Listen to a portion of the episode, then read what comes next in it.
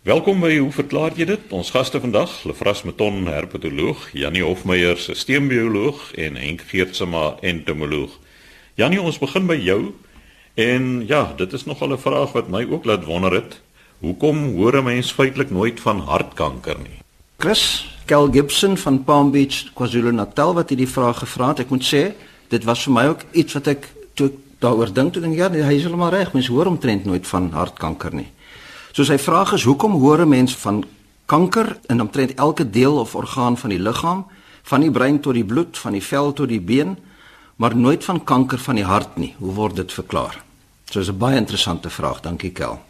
Nou wel dit is so dat hartkankers of harttumors baie rar en uitsonderlik is. As 'n voorbeeld, 'n oorsig van omtrent 12000 autopsies het net 7 gevalle van hartkanker opgelewer. En jy 'n hele paar interessante artikels wat mense op die internet kan kry van verskillende organisasies, byvoorbeeld die Mayo Kliniek wat baie bekend is in die Verenigde State, daar word gemiddeld een geval van hartkanker per jaar geïdentifiseer. Terwyl in Toronto se algemene hospitaal wat natuurlik 'n enorme hospitaal is, daar is die onkologie afdeling kry omtrent so 12 gevalle per jaar van hartkanker. So kankers wat in die hart self ontstaan, met ander woorde wat nie iewers van die res van die liggaam kom en dis baie rar en so die meeste hartkankers wat gediagnoseer word is nie kwaadaardig nie. Hulle is kankers van 'n tipe wat as sarkomas bekend staan. So 'n sarkoma in volwassenes is so sponserige gelatienagtige tumor wat in as hy in die hart voorkom word hy 'n myxoma genoem terwyl in kinders dit 'n rhabdomyoma genoem word. Kinders kry ook so af en toe hartkanker. Maar kwartaardige harttumors se oorsprong is meestal elders in die liggaam en is dus metastasis van die primêre tumors wat dan in nabye geleë organe soos die longe en die niere voorkom. En dit is sodat as jy nou 'n kwartaardige harttumor het, dan is die prognose vir oorlewing baie baie sleg. Maar natuurlik wat Kel egter wil weet is of daar 'n verklaring is vir die feit dat hartkanker so skaars is en dit is waar die storie nou interessant raak. So die belangrike waarneming wat op 'n antwoord wys is dat anders as by beskadigde organe die hart nie in staat is om sy eie beskadigde weefsel te herstel nie. En die rede hiervoor is dat die hartselle, die hartspierselle wat bekend staan as kardiosiete en dis natuurlik die meeste van die selle in die hart, die is sogenaamd terminaal gedifferensieer. En dit beteken dat hartselle al vroeg in mense lewe 'n punt bereik waar hulle ophou om te verdeel. So hulle is nie aktief verdelende selle nie baie baie vroeg in jou lewe al. Verdere hartgroei, want natuurlik dit is al in kinders wat dit ophou en tog word jou hart groter soos wat jy ouer word. Hierdie groei van harte is dan nie as gevolg van meer selle nie, maar as gevolg van die bestaande selle wat al hoe groter word.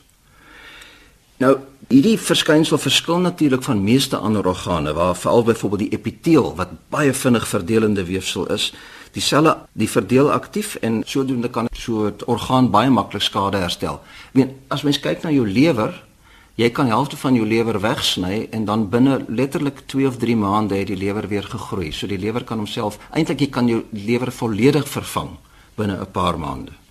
Ek dink is 'n bekende feit dat trekvoels byvoorbeeld gebruik basies die lewer op as van hulle by eindbestemming kom het hulle omtrent die lewe oor nie. Ja, en so dit is 'n baie mooi voorbeeld van 'n orgaan wat homself kan genereer.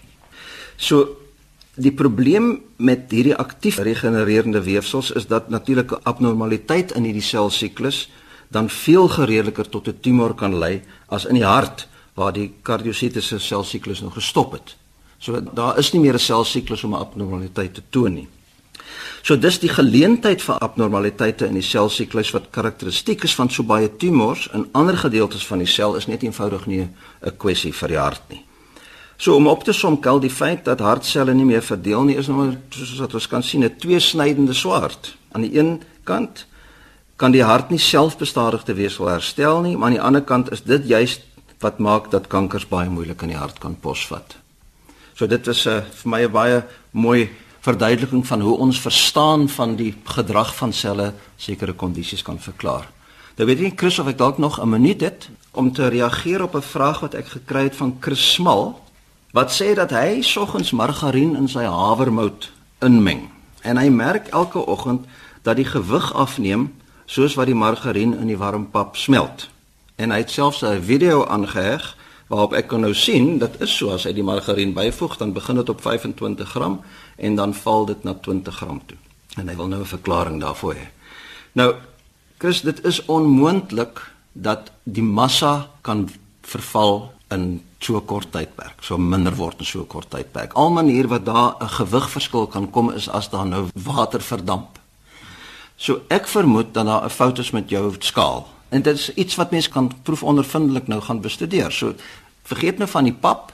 Stel dit eers na 0 toe sit iets op die skaal sodat jy die massa sien, byvoorbeeld in die geval 25 gram en sit dan net iets by. Moet dit nie stadig by sit nie. Sit dit vinnig by. Met ander woorde 'n blok margarien soos wat jy gewoonlik doen. Ek vermoed dat die skaal dan oorkompenseer en dan stadig terugval na die korrekte gewig toe. Probeer dit en laat ons weet. Maar daar's geen manier dat die byvoeging van margarien so gewigsverlies kan veroorsaak nie. So sê Jannie Hofmeyer, ons sisteembioloog. Lefras, jy het 'n vraag oor muise met blare op die rug. Dit klink na 'n baie vreemde verskynsel, maar ek moet hom eers net bietjie vertel waar kom die storie vandaan. Ek was by 'n funksie gewees en toe hoor ek 'n vrou praat met 'n ander vrou. Sy vertel dat haar man tydens die vakansie en kuier hulle rond is by die see iewers en dan lees haar man uit 'n boek van RSG, hoe verklaar jy dit? stories en dan praat hulle so 'n bietjie en ek is toe heel geïnteresseerd ek staan toe nader en sê maar ek is ook deel van daai span en toe sy nou heel opgewonde en toe vra sy vir my nou hierdie vraag sy sê dit is iewers teen die Weskus hier by Brandsebaai omgewing Groenriviermond daai area lyk my het hulle 'n blyplekkie en sy sê by twee geleenthede het sy 'n diertjie gesien dit lyk of dit 'n muiserige ding kan wees maar hy het blare op die rug. En ek het dadelik gedink, "O, wag, waar is ons nou?" En uh ek het eers gedink as dit dalk een of ander insek want mens kry mos nou baie snaakse insekte. Ek weet baie slakke het ook vreemde goed op die rug, maar sy sê dit lyk soos 'n muis. Toe het ek bietjie gedink en ek dink nogals wat die verklaring hiervoor kan wees. Ons kry hierso teen die Weskus en ek in 'n groot deel van die Karoo, die troodele kry ons die Karoo bosrot. Jy kry ook die vleirot wat in dieselfde genus behoort.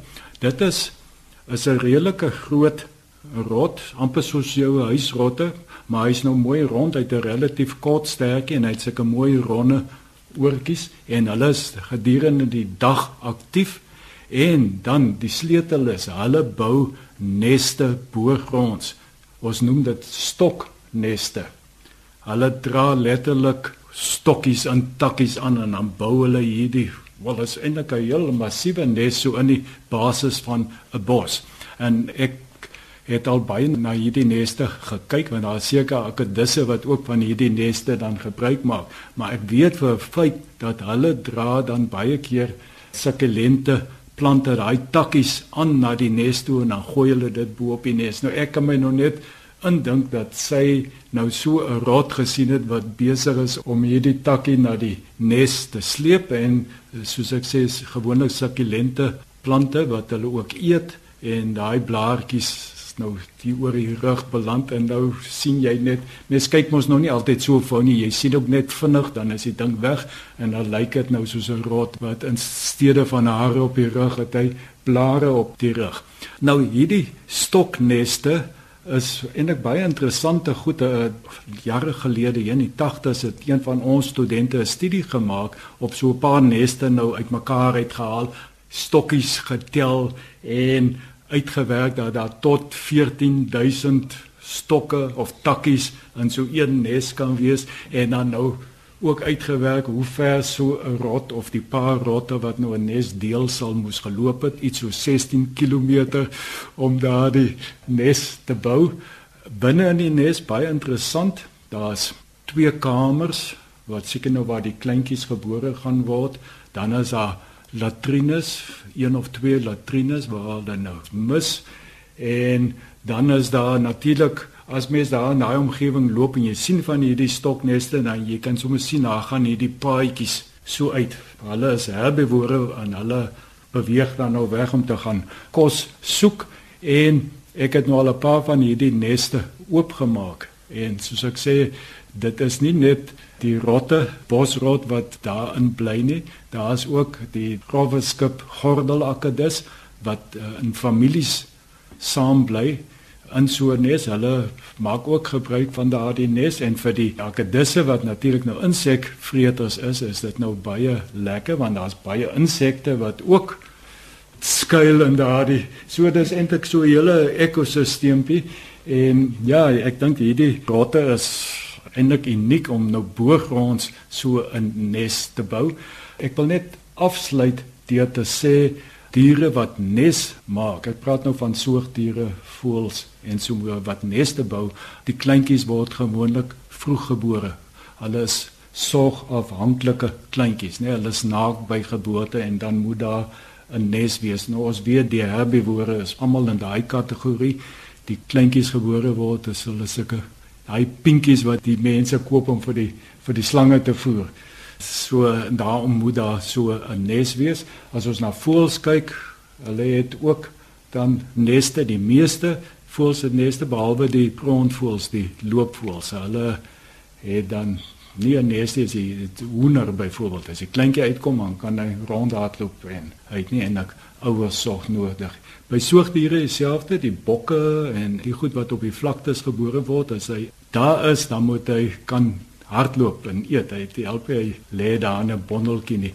Die katfamilie, ag en die honde, hulle kleintjies is sorgafhanklik en dan moet daar 'n nes wees of ten minste 'n gat in die grond of 'n skuilplek. So Sania, ek is amper seker wat jy gesien het by twee geleenthede was een van hierdie rotte wat dan nou takkies aangedra het om daardie stoknes te bou. Lefras ek is in hierdie moderne tye is ek nogal verbaas dat jy net nie 'n TV-kamer gekry het binne in die nes nie. ja. Is die luisteraar sy afkomstig van Brandsebaai? Sy is hierso van Stellenbosch. Het sy die muis gekry by Brandsebaai aan die ander kant Loetsville? Daai omgewing. Die diamantgebied. Nou ek het daar op 'n tyd insekte versamel en ons is uitgekamp op die kus. Nou daar's baie rotse. En die ding is om motte te versamel in die nag gebruik jy 'n groot laken, jy het nou al self van gesien met 'n uh, generator van in die krag opwek. En ons het hierdie ligval opgesit op die rotse terwyl ons nou vleisie gebraai het. En ons het opgestaan en ek het so afgekyk by die rotse en tot my verbasing het ek nie een kreef gesien nie, nie 10 nie, maar honderde krewe. En ons het nader aan die skoenlappe net gebruik om die krewe so uit die see uit te skep. Die rede is ek vang motte met ultraviolet lig en dit lyk vir my die krewe word aangelok deur ultraviolet lig. Soos 'n baie aangename tog gehad in Brandsebaai. Jy seker dit was nie 'n rooi gety nie. Nee, nee, ons die krewe geëet en saamgebring. Ek ek dink jy het nou 'n baie goeie wenk vir stroopers gegee. ek wou net sê Daar was onlangs 'n baie interessante program oor sekere rotte in Tansanië. Hulle voed op piesangs en hierdie rotte word opgelei om landmyne in Mosambiek uit te ruik. Hulle skynbaar 'n uiterste reuksin. Hulle word dan opgelei om word gekweek in laboratoria en dan opgelei om landmyne te kan ruik. En as beloning kry hulle dan piesang. En skynbaar word dit baie suksesvol in die noorde deel van Mosambiek gebruik om landmyne op te spoor. Ek sien nou net hoe staan daai klomp rotte so in 'n peloton aangetree vir die opleiding. Dit was dan Lefras Menton ons herpetoloog wat gesels het oor die rotte met blare op die rug. Laaste aan die beurt Henk Geertsma en uh, jy het 'n hele paar onderwerpe waaroor jy gaan gesels, maar ek sal graag wil weet wat het jy hier vir ons hier op die tafel wat nou baie netjies gemonteer is. Chris, ek het 'n brief van Piet Uys. Hy sê hy bly op Melkbosstrand en hy vra of die span inligting kan gee oor die hekkie, oftewel die opblaas springkaan en of hulle dalk 'n klankopname vir ons kan speel. Nou, die blaasspringkane of hekkies is natuurlik taalkundig baie interessant omdat die naam, die volksnaam van die blaasspringkane wissel van Here Jesus in George area tot by Hiki hier bo in Makoland. Die Engelse praat van die flying gooseberries wat vir my ook 'n baie interessante naam is. Dit behoort tot die Pneumoridae. Nou in die algemeen is hulle groterige, sprinkaanagtige insekte. Sommige soorte word tot 10 cm lank. Die liggaamsvorm van die mannetjie is kenmerkend, maar die wyfie is meer soos die van 'n sprinkaan. 'n Vlerk is baie korter en sy is baie langer. Nou die grootste deel van die abdomen, maag of agterste gedeelte van die lyf by die mannetjie vorm 'n groterige hol of opgeblaaste kamer wat deurskynend is. Die mannetjies produseer 'n harde klank na skemer vanuit die fynbosse bossies en struike. Ons het 20 soorte kom net voor in suidelike en oostelike Afrika. Nou die klank word veroorsaak deurdat die agterpoot oor riffies op die abdomen skuur en dan die vergrote abdomen wat hol is fungeer dan as 'n soort van 'n klankdoos, net soos by 'n gitaar, om dan die klank te versterk. Ongelukkig is daar na my wete nog geen geluidsopname gemaak nie, maar tog word in die departement van bewaringsekologie en nematologie en entomologie by ons word daar huidig navorsing gedoen oor die geluidprodusering. Want die wyfie produseer ook 'n geluid, maar nie so hard soos die van die mannetjie nie. Die mannetjie se geluid is vergelykbaar met 'n nagvoël wat skreeu in die nag. En ek het vir my kollegas nou eene dien saamgebring, dis nou 'n mannetjie. Jy kan sien die voelers is bietjie dunner as by die gewone sprinkaan. En dan as 'n mens mooi kyk, sal 'n mens deur die agterlyf kan 'n mens amper die spysverteringskanaal, die dikdarm, kan jy deur die hol agterlyf sien. Maar die res daarom is alles lig, lig, lig. Nou By die agterpoot, by die femur, kan 'n mens klein riffies sien, veral as jy mikroskoop gebruik en dan deur die femur op en af te beweeg, raspery as dit ware en die klank word dan versterk deur die klankdoos. Is 'n baie mooi insek en enige buitelander wat kom, soek altyd van hierdie insekte vir hulle museums omdat dit uniek is vir veral in die fynbos. Hulle is nie skaars nie, maar jy moet weet waar om hulle te kry. Henk, ek dink nou altyd aan die vyande van die goed as hulle nou daai geluid maak in die aand. Daar seker nie in die aand vreeslik predatore wat hulle sal eet wat nou deur die klank aangelok sal word nie. Kyk in die nag jou meeste die bekendste insekpredatore is vleermuise. Maar vleermuise sal nie op 'n sittende prooi gaan nie. Hulle soek 'n vliegende prooi.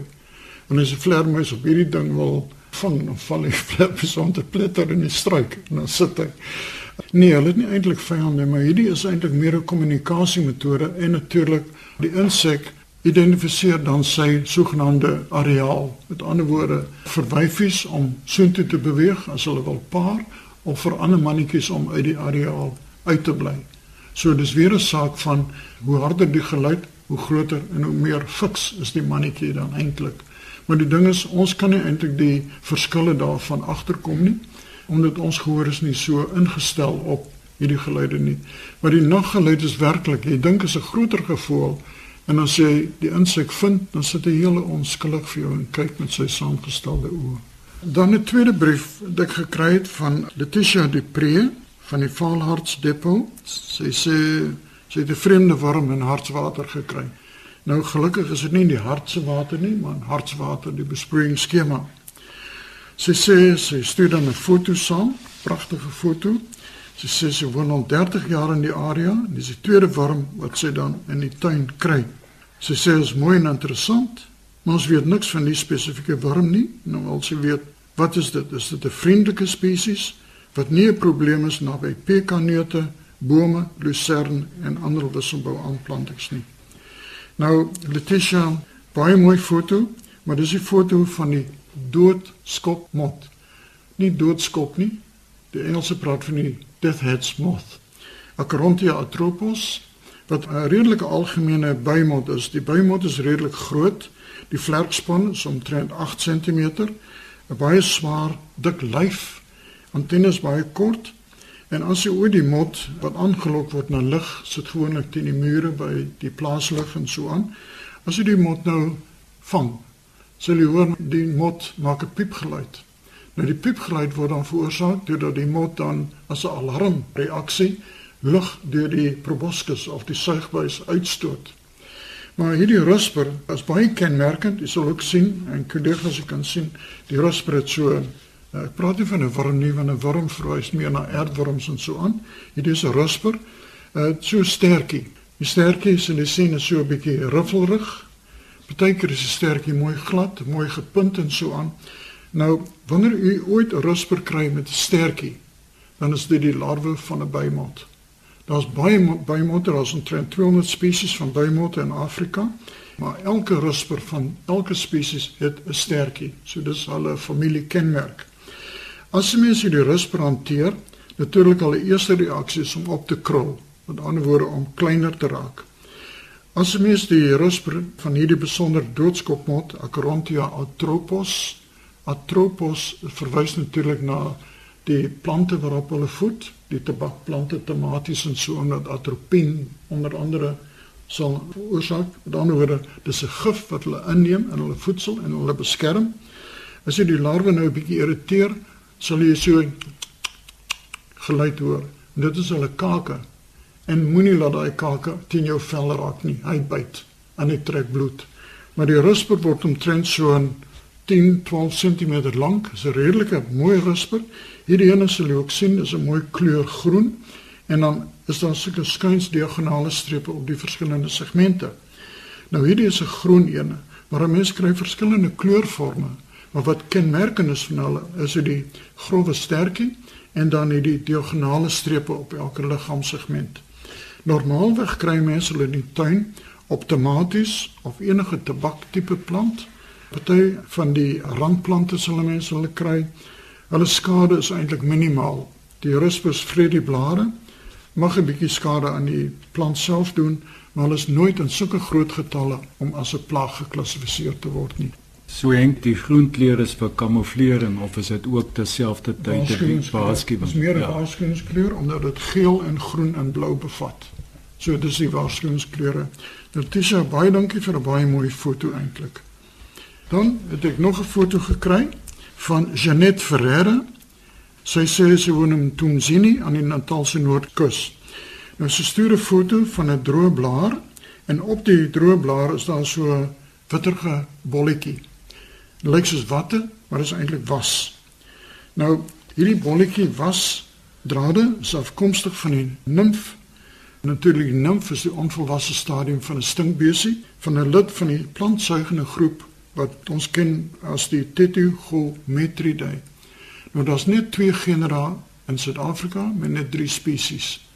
Die een genus is Hilda, baie mooi naam. Nou die groep is verwant aan die sonbesies onder andere, maar dit is ook 'n deel van die plantspringers of die Engelse praat van die planthoppers wat ook die skuimbesies insluit. Nou, wil nie afwyk nie, maar die skuimbesies is algemeen bekend op gras kry mens baie kere 'n dingetjie wat lyk soos iemand wat gespoeg het. En as mens dit nou wil oopkrap, dan kry jy weer die nimf van die spoegbesie daarin. Nou, alles verwant hieraan. Nou in hierdie besondere familie, die Tetragometridae, skei die ontwikkelende nimf 'n groot hoeveelheid wasdraadjies af.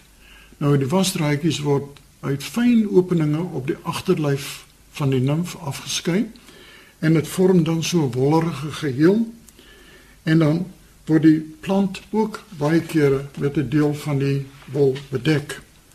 Nou dit dien as beskerming teen parasiete en roofdiere en die nimfe kan wel rond beweeg. Jy weet byvoorbeeld dopluise, se nimfe of dopluise self kan nie rond beweeg nie, hulle is vasgeanker in die plant, maar hulle kan rond beweeg na 'n ander deel van die plant of na ander plante toe.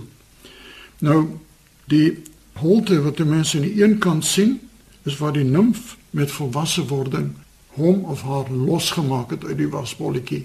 Wanneer die volwasse tetragomorfid dra nie die was verder nie en dan gaan die vrylewende volwasse verlaat in die plant, soek 'n maat of 'n geskikte voedselplant en om die kringloop dan voort te sit.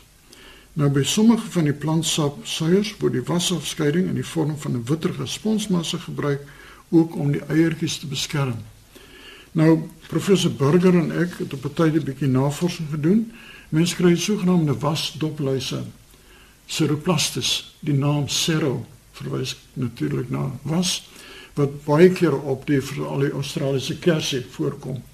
En ons gekyk hoeveel was is daar eintlik in die wasdopluise was. En ons gevind is omtrent 80% water. Die res is harde was. Dis baie interessante waarneming. Was 'n baie skaars insek, soos ek sê, daar's net 3 spesies in die land en die groep kom eintlik baie meer voor in Suid-Amerika. Baie dankie, baie mooi foto en dis nuus vir my. So sê Henk Geertsma, ons entomoloog, die tyd het ons weer ingehaal.